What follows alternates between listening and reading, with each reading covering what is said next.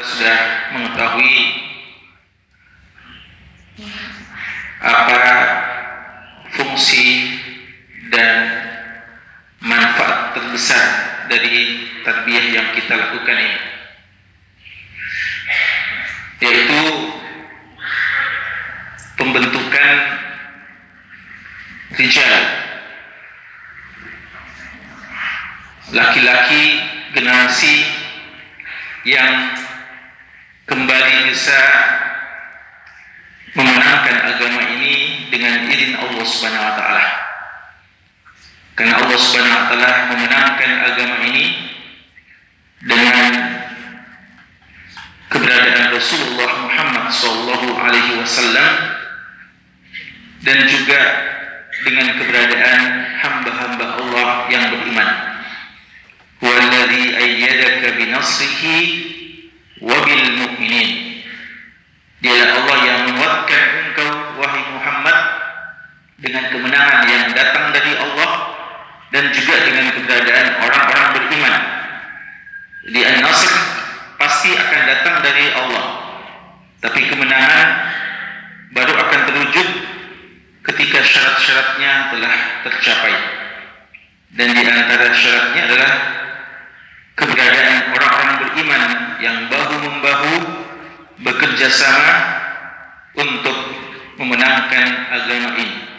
Dan itulah yang pernah ada di zaman Nabi kita Muhammad SAW. Alaihi Wasallam. Makanya kalau kita perhatikan apa sebenarnya letak perbedaan kita dengan zaman Nabi SAW. Alaihi Wasallam. Kalau dari sisi harta benda, sisi material, kita jauh lebih banyak dari apa yang pernah dimiliki oleh para sahabat Nabi Muhammad SAW. Kalau dikatakan dari sisi jumlah, maka kita lebih banyak dari jumlah mereka. Dari sisi finansial, teknologi, dan seterusnya, jawabannya selalu kita lebih dari mereka. Tapi perbedaan yang paling mencolok adalah persoalan kualitas. Kualitas rijal yang ada pada zaman Nabi SAW dan generasi yang terbaik itu yang tidak kita miliki. Dan inilah di antara makna tarbiyah yang kita laksanakan.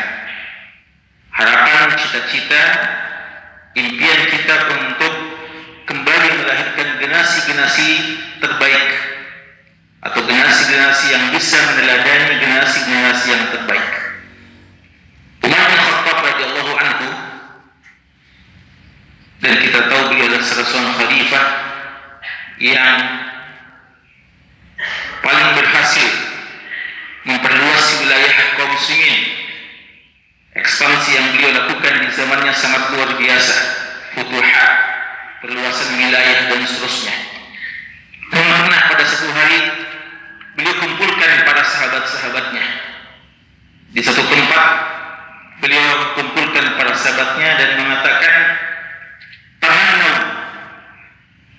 tamannau berharaplah coba setiap anda yang hadir di sini sampaikan impian dan harapan jadi kalau kita tanya kepada ikhwah saat ini apa kira-kira cita-cita, impian dan harapan setiap kita.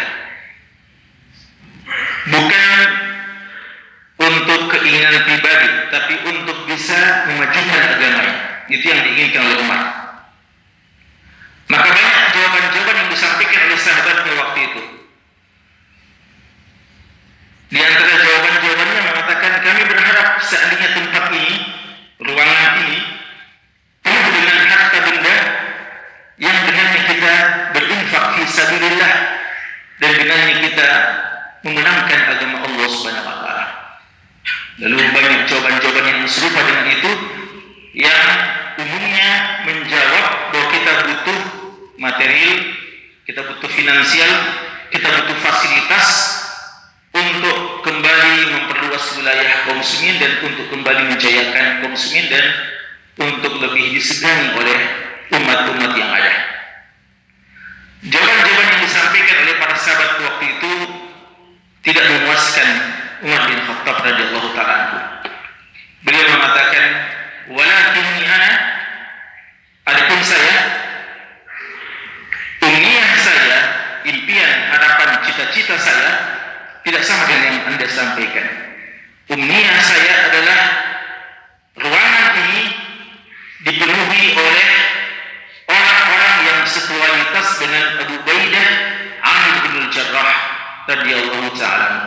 Say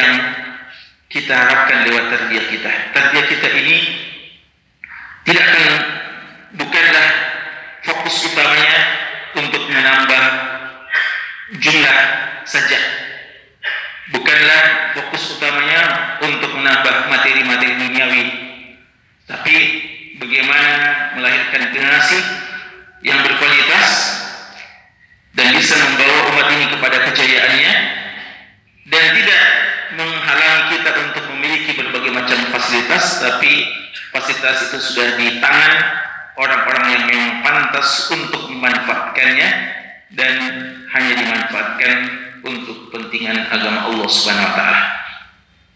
Oleh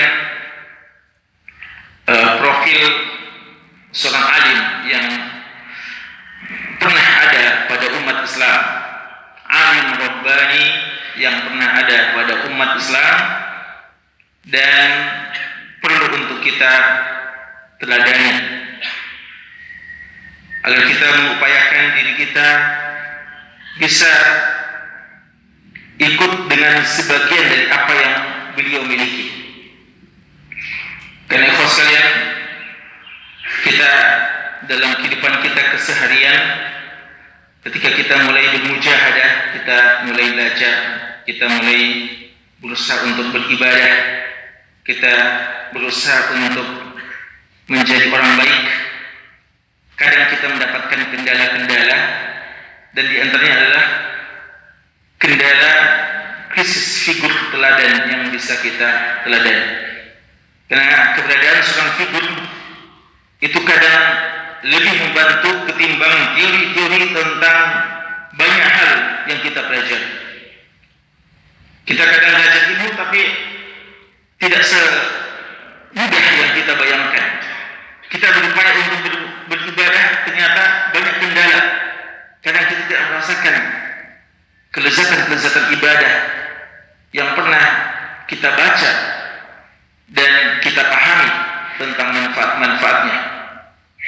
Maka kita perlu teladan yang dengannya kita bisa paham metode yang seharusnya kita tempuh untuk bisa menjadi seorang yang berhasil man kana minkum mustannan falyastanna biman qad mas fa innal hayya la tu'man alaihi alfitnah Abdullah bin Mas'ud radhiyallahu anhu dan juga diriwayatkan dari Abdullah bin Umar mengatakan kalau kalian mau ikut sunnah, ikut teladan, maka ambil teladan dari orang yang sudah meninggal dunia karena orang yang masih hidup tidak aman dari fitnah cobaan.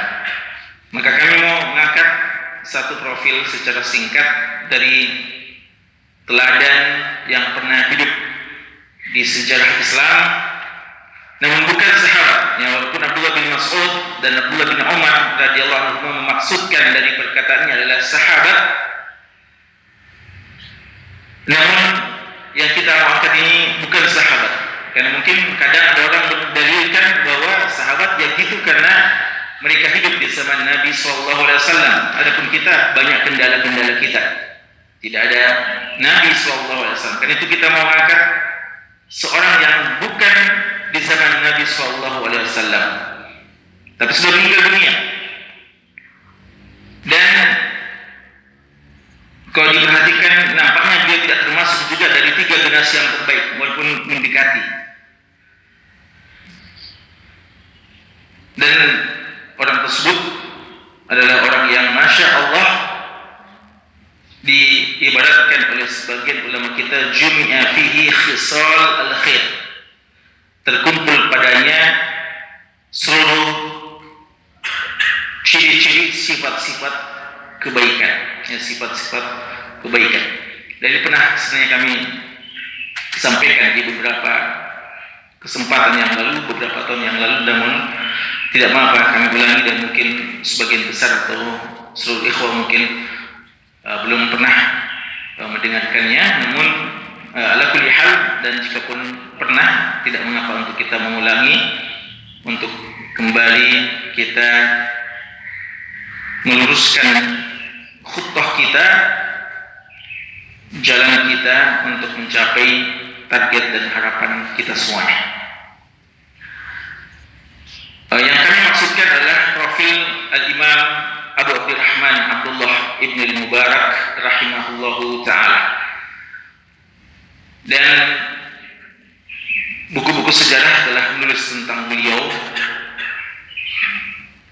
Dan di antara buku kecil yang bagus untuk dibaca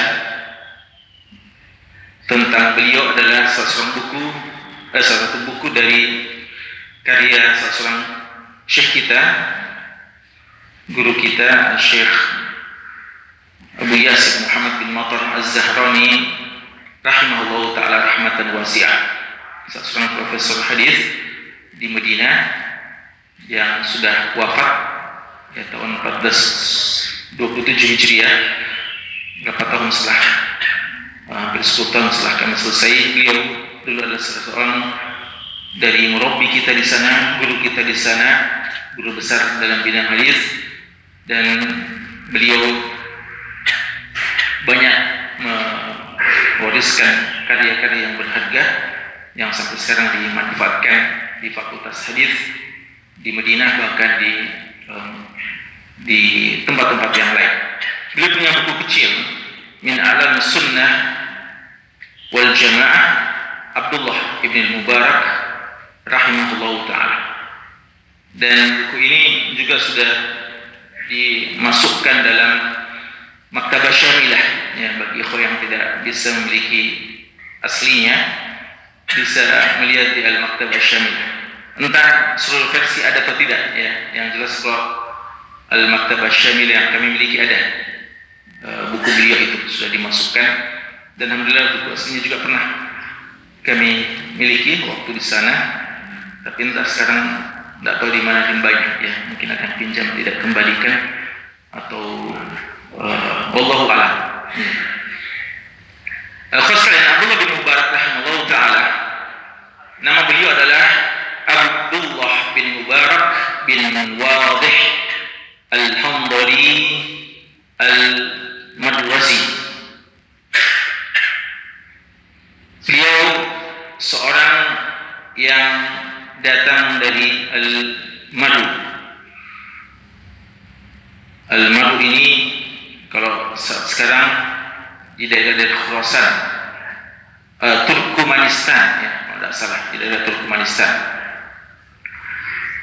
uh,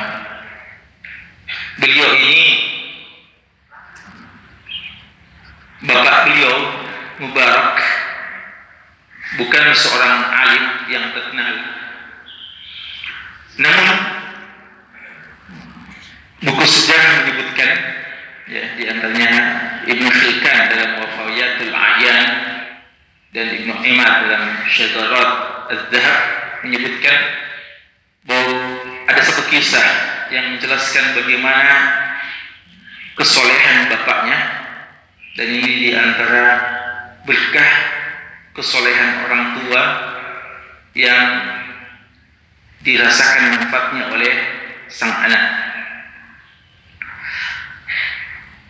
Mubarak ini seorang tukang kebun, ya seorang tukang kebun. Pada satu hari beliau dipanggil, ya sudah lama kerja di kebun milik seorang bangsawan. Lalu satu hari pemilik kebun itu datang dan mau mencicipi rumah. Apa itu rumah? Buah dan apa? Bismillah delima. Nah, buah delima. Ya. buah delima. Lalu ditanya tolong carikan buah delima di kebun ini yang manis lalu datanglah Mubarak pergi ke kebunnya cari-cari lalu dia serahkan dicoba ternyata kecut hangat tidak manis. Marah majikannya ini. Dia bilang saya suruh kamu ambil yang manis, kenapa kamu berikan yang kecut? Cari lagi yang lain. Cari lagi, pilih-pilih, lalu dibawakan lagi. Ternyata setelah dicoba, masih kecut. Cari lagi yang lain. Sampai tiga kali. Akhirnya pemiliknya mengatakan, tukang kebun model apa kamu ini? Ya, kurang lebih gitu ya. Sudah cukup lama kerja di sini, diamanahkan pada kebun ini, tapi biar disuruh ambil pilih delima yang manis tidak bisa. Apa alasan? Dia mengatakan, maaf ya, Akhirnya dia terpaksa menyampaikan alasannya. Ya mohon maaf, saya tidak bisa mengetahui yang mana yang manis. Saya cuma menduga-duga saja tadi waktu memetiknya. Karena sejak saya diamanahkan untuk mengurus kebun ini, tidak satupun buah yang saya pernah cicipi. Mendengarkan itu majikan heran. Beliau mengatakan, kenapa? dikatakan saya belum pernah mendengarkan ada izin untuk mencicipi buah di kebun ini. Saya cuma diamanahkan untuk kerja mengurus, tapi belum pernah saya dengarkan izin langsung. Ya, kalau kita bisa paham ya bahwa ya kita nguruskan kadang-kadang perlu untuk cicipi. Ya. Apalagi kalau disuruh nanti sama pemiliknya tolong pilihkan ya. Kita disuruh mengurus buah nangka, buah mangga dan yang lainnya. Perlu sekali dicicipi. Supaya nanti Pak Ustaz bilang tolong ambilkan dipilihkan yang manis. Ya. gitu ya. Ya. Begitu setiap sebagian ikhwah. Ya. mencicipi mangga dan semacamnya tanpa izin dari ma'had. Ya. mungkin dengan istihad yang seperti itu suatu waktu disuruh bisa pilih yang baik. Maka majikan ini kagum dengan anak ini. Masya Allah begitu luar biasa tukang kebun saya ini. Kelihatannya biasa-biasa saja orangnya. Dan ternyata memiliki takwa yang luar biasa. Maka apa yang dia lakukan? Dia langsung pulang ke rumahnya. Dia pulang ke rumahnya. Dia tanya istrinya. Ini bangsawan ini, kaya raya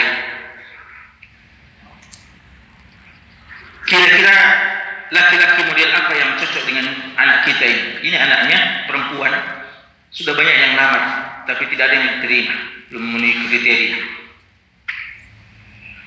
Apa pendapatmu tentang anak kita ini? Siapa kira-kira laki-laki yang paling cocok? Sudah banyak yang lamar ini. Kira siapa kira-kira laki-laki yang paling pantas untuk uh, menjadi suami Istri ini juga Masya Allah wanita soleh. Walaupun kaya raya. Dia mengatakan Kalau orang jahiliyah Menikahkan anaknya Itu yang dipentingkan adalah Al-Hasab Keturunannya Dari status sosialnya.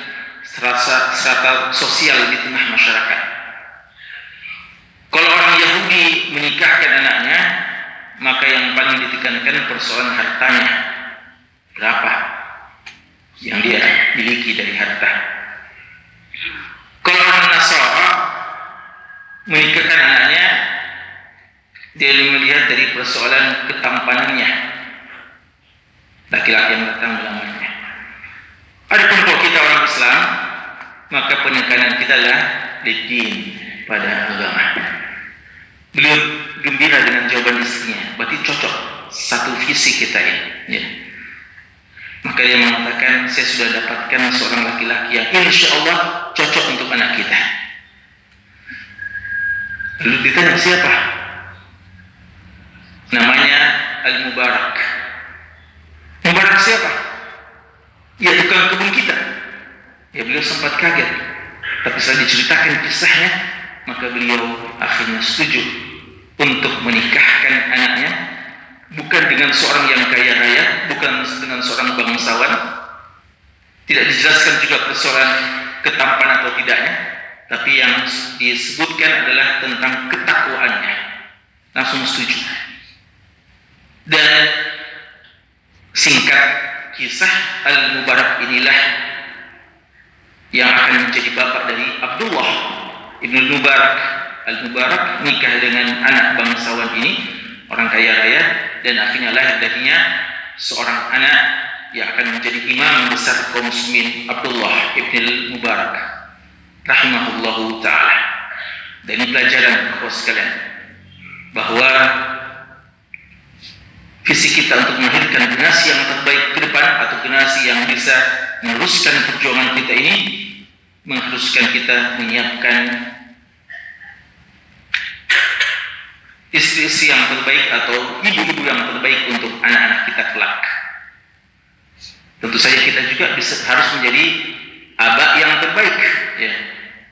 Jangan cuma mau ideal dari uminya, lalu abahnya juga bermasalah.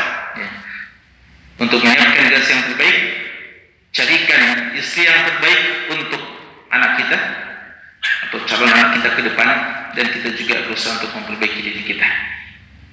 Abdullah bin Mubarak rahimahullah taala lahir di tahun 118 Hijriah di zaman khilafah Bani Umayyah dan persisnya zaman Khalifah Hisham bin Abdul Malik.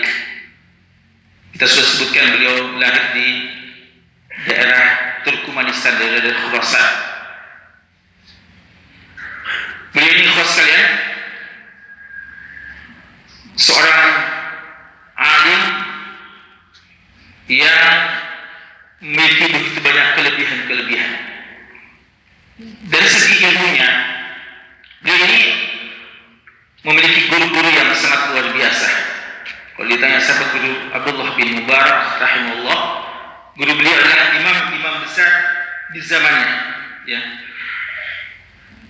Sufyan bin Uyainah guru beliau Sufyan bin Sufyan bin Sa'id bin Masruq Al-Thawri guru beliau Abu uh, Al-Amash Sulaiman bin Mihran guru beliau Hamad bin Zaid Hamad bin Salamah dan Imam Malik bin Anas bahkan juga termasuk deretan guru-guru beliau imam-imam besar dan menjadi murid-murid beliau juga imam-imam besar Nuaim bin Muhammad guru Imam Bukhari rahimahullah taala adalah murid beliau Abdurrahman bin Mahdi rahimahullah juga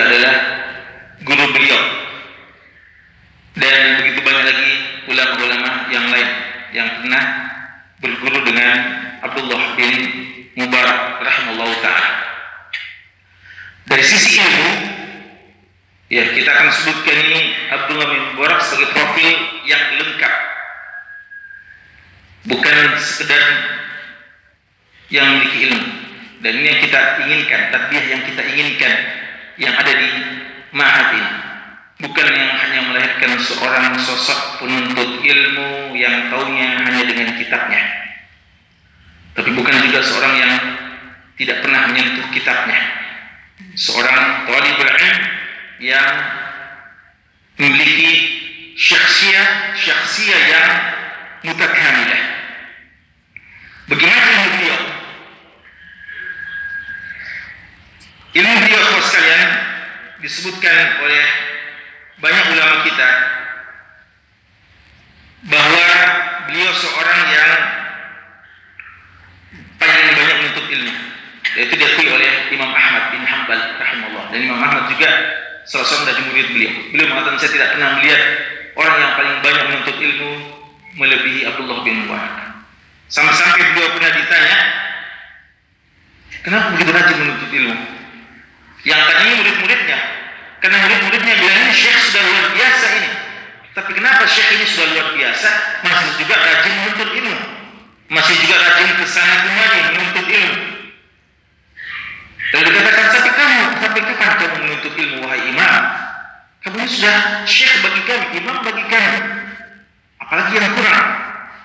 Beliau mengatakan, saya menuntut ilmu sampai saya meninggal dunia mirip dengan perkataan banyak ulama kita ma'al mahbarah ilal maqbarah dengan pena masuk ke liang kubur. Artinya terus menuntut ilmu sampai Allah mewafatkan kita.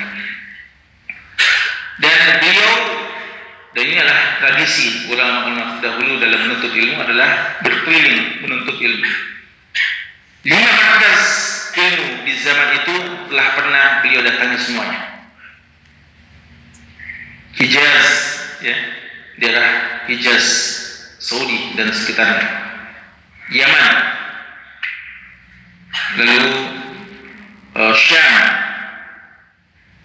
Kemudian Irak Kufa Basra dan sekitarnya. Dan Mesir. Ini al-Marakiz al-Ilmiyah Fidakas Zaman. Ini lima markas-markas menuntut ilmu di zaman itu semua beliau pernah datang. Ya, beliau datang dari Turkmenistan, datang keliling untuk mendatangi sumber ilmu tersebut. Ini kalau tentu saja menunjukkan mujahadah yang besar dari para imam. Dan ini yang kadang tidak kita paham, yang kadang kita kalau sekalian ingin menjadi orang hebat, tapi kita tidak mau menelusuri kenapa sampai mereka bisa menjadi orang hebat.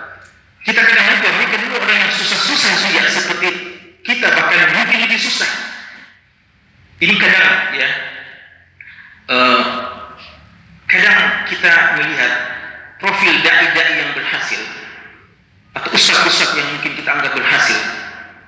Kita melihat hari ini kita lihat dia, mungkin kita melihat bagaimana perlakuan umat terhadapnya, dihormati, bagaimana selalu di sebut-sebut uh, ya walaupun ini semua adalah bukan niat-niat yang tidak boleh ada pada diri para penuntut ilmu dan para dai. Namun kita kadang lihat begitu mereka mereka masya Allah begitu dicintai, begitu dihormati dan dan seterusnya. Nantiasa diberikan berbagai macam fasilitas duniawi walaupun mudah mereka tidak mengharapkannya. Kita kadang lihat bosnya begitulah profil dai hari ini. Kita lupa dan mungkin tidak mau cari tahu bagaimana mereka bisa sampai pada derajat tersebut. Sehingga kadang kita kalau sudah diutus di tempat-tempat tertentu yang kita dapatkan mungkin tantangan, rintangan, susah orang mau duduk di majlis kita, bahkan mungkin dicuri dan seterusnya. Harta benda tidak kita dapatkan. Kita lihat usaha kita dulu. Ya. Dia apa-apa sudah keluar dan minum. Ya. Dan nanti biasa mungkin diberikan lagi kue dan sebagainya. Ya. Apalagi kau yang biasa bukan brownies dan sebagainya. Mungkin nanti kalau saya jadi ustaz juga akan begini. Ya. Eh, kita kadang lupa bagaimana bisa hal itu sampai ada pada orang tersebut. Asatidah, asatidah kita yang hari ini kita melihat poska itu juga dulu adalah orang yang begitu dakwah. Dan kita pelajari ya, nggak usah orang-orang jauh, kita pelajari saja bagaimana wahda ini sampai terbentuk. Apa yang telah dilakukan asatidah kita dulu? Mereka juga adalah orang yang ke sana kembali cari orang yang mau mendengarkan penyampaiannya, cari orang yang mau ikut dengan halakah tarbiyahnya. Mereka juga ditolak di sana sini. Mereka dulu mungkin so, menjadi seorang remaja masjid yang begitu taat, rajin untuk azan, rajin untuk membunyikan masjid, ya, membunyikan salawat dan sebagainya dulu mungkin ya, belum tahu sunnah. Lalu setelah paham akhirnya jadi usir sini lain-lain seret kamu penampilan. Dan dia tantang-tantang, memang merintis segitu. Ya. Makanya Imam Syafi'i ditanya, ayyuhuma afdal lirujul? Ayyumakkahu an yubtala? Mana yang lebih bagus bagi seseorang? Dia diberikan posisi yang mulia atau dia diuji? Kira-kira mana yang berada di zona nyaman, istilahnya orang, atau dia berada di tempat yang sulit, selalu penuh dengan ujian? Imam Syafi'i ketika ditanya dengan dua opsi ini, beliau mengatakan, la yumakkan hatta yubtala. Tidak bisa mencari posisi strategis tempat yang terhormat kecuali melalui ujian demi ujian. Maka para ayimah kita, para ulama-ulama kita dan orang yang berhasil hari ini juga kalau kita dipelajari dia adalah orang yang susah. Jangan kita para penuntut akhirat, ahli dunia saja, orang yang dikatakan hari kaya raya, konglomerat, pedagang berhasil, kok dipelajari juga orang susah ternyata. Nah kalau itu bagian mereka susah-susah sampai dapat bumi hari ini, maka bagian kita pengajar akhirat perlu juga merintis talabul ilm kita dengan dengan mujahadah dan mujahadah. Kau sekalian Sufyan Ats-Tsauri rahimahullah taala guru dari Imam Abdullah bin Mubarak pernah mengatakan saya berharap jika dari umurku saya ini tiga hari saja bisa uh, jika umurku ini setahun saja ya, dari umurku ini setahun saja saya bisa seperti Abdullah bin Mubarak ini sang guru bicara tentang muridnya si kagum dengan murid saya Abdullah bin Mubarak saya berharap agar model hidupku bisa saya ikuti Abdullah bin Mubarak walaupun cuma satu tahun tapi apa kata Sufyan al-Thawri ini Sufyan al-Thawri seorang imam luar biasa dari sisi ilmu dan segi ibadah dan yang lainnya tapi beliau mengatakan saya telah berupaya tiga hari saja saya tidak mampu. Ya, tiga hari saya saya mau ikuti Imam Abdullah bin Mubarak saya tidak mampu. Ini pengakuan tulus dari seorang Sufyan al-Thawri. Pada kita baca siapa Sufyan al-Thawri, Amirul Mukminin fil Hadis, seorang ahli ibadah yang sampai-sampai sebagian orang-orang sufi mengklaim bahwa dia adalah pemimpinnya sufi. Ya, karena begitu banyak ibadah yang tentu saya beliau tidak seperti itu. Tapi sebenarnya mengatakan tiga hari saya, saya coba model hidupnya. Tentu saya maksudnya adalah model ibadah dan ketakwaan dan seterusnya dalam bulan tapi saya tidak mau. Abdurrahman bin mengatakan aku tidak pernah melihat seperti Abdullah bin Mubarak. Lalu ditanya, ini muridnya ini, Abdurrahman bin Mahdi. Abdurrahman bin Mahdi rekan dari Imam Syafi'i. Lalu dia ditanya, bagaimana pendapatmu tentang Sufyan al-Thawri, Sufyan uh, Syu'bah bin Hajjaj, dua-duanya adalah Amirul Mukminin fil hadis. Masa Syu'bah bin Hajjaj dan Sufyan al-Thawri sama-sama wafat 161 Hijriah atau beda setahun. Guru dari Imam Abdullah bin Mubarak masa tidak bisa mencapai Mubarak notabene adalah muridnya. Kata Abdullah bin Mahdi, menurut saya tidak lebih afdal Abdullah bin Mubarak daripada Syu'bah bin Hajjaj dan Sufyan al-Thawri rahimahullah ta'ala. Sufyan bin Uyainah mengatakan Abdullah bin Mubarak adalah alimul masyriq wa alimul maghrib wa ma bainahuma. Dia adalah alimnya negeri timur, alimnya negeri barat dan di antara keduanya. Artinya alimul alam. Ya, dia adalah alimnya seluruh dunia. Dan beliau pernah bahkan mengatakan, Sufyan bin Uyainah mengatakan, ini gurunya Sufyan bin Uyainah. Beliau mengatakan, kalau saya perlihat lihat perhatikan kehidupan Abdullah bin Mubarak dan saya perhatikan para sahabat Nabi Sallallahu Alaihi Wasallam, maka saya dapati kekurangan Abdullah bin Mubarak cuma satu. Apa itu? Beliau bukan sahabat dan tidak pernah menemani Nabi Wasallam berjihad. Itu saja. Adapun semua keutamaan-keutamaan yang pernah kami baca dari sahabat, kami saksikan ada pada Abdullah bin Mubarak. Satu saja kelemahannya, kekurangannya. Beliau bukan sahabat. Dan kekurangan yang satu inilah menyebabkan beliau tidak lebih baik daripada sahabat. Ya, makanya, kalau sekalian, kenapa sebenarnya sahabat menjadi manusia yang paling mulia? Dengan semua kriteria yang ada pada sahabat. Yang sahabat kan bermacam-macam. Ada yang paling mulia dan suci dan semuanya mulia. Tapi ada sahabat yang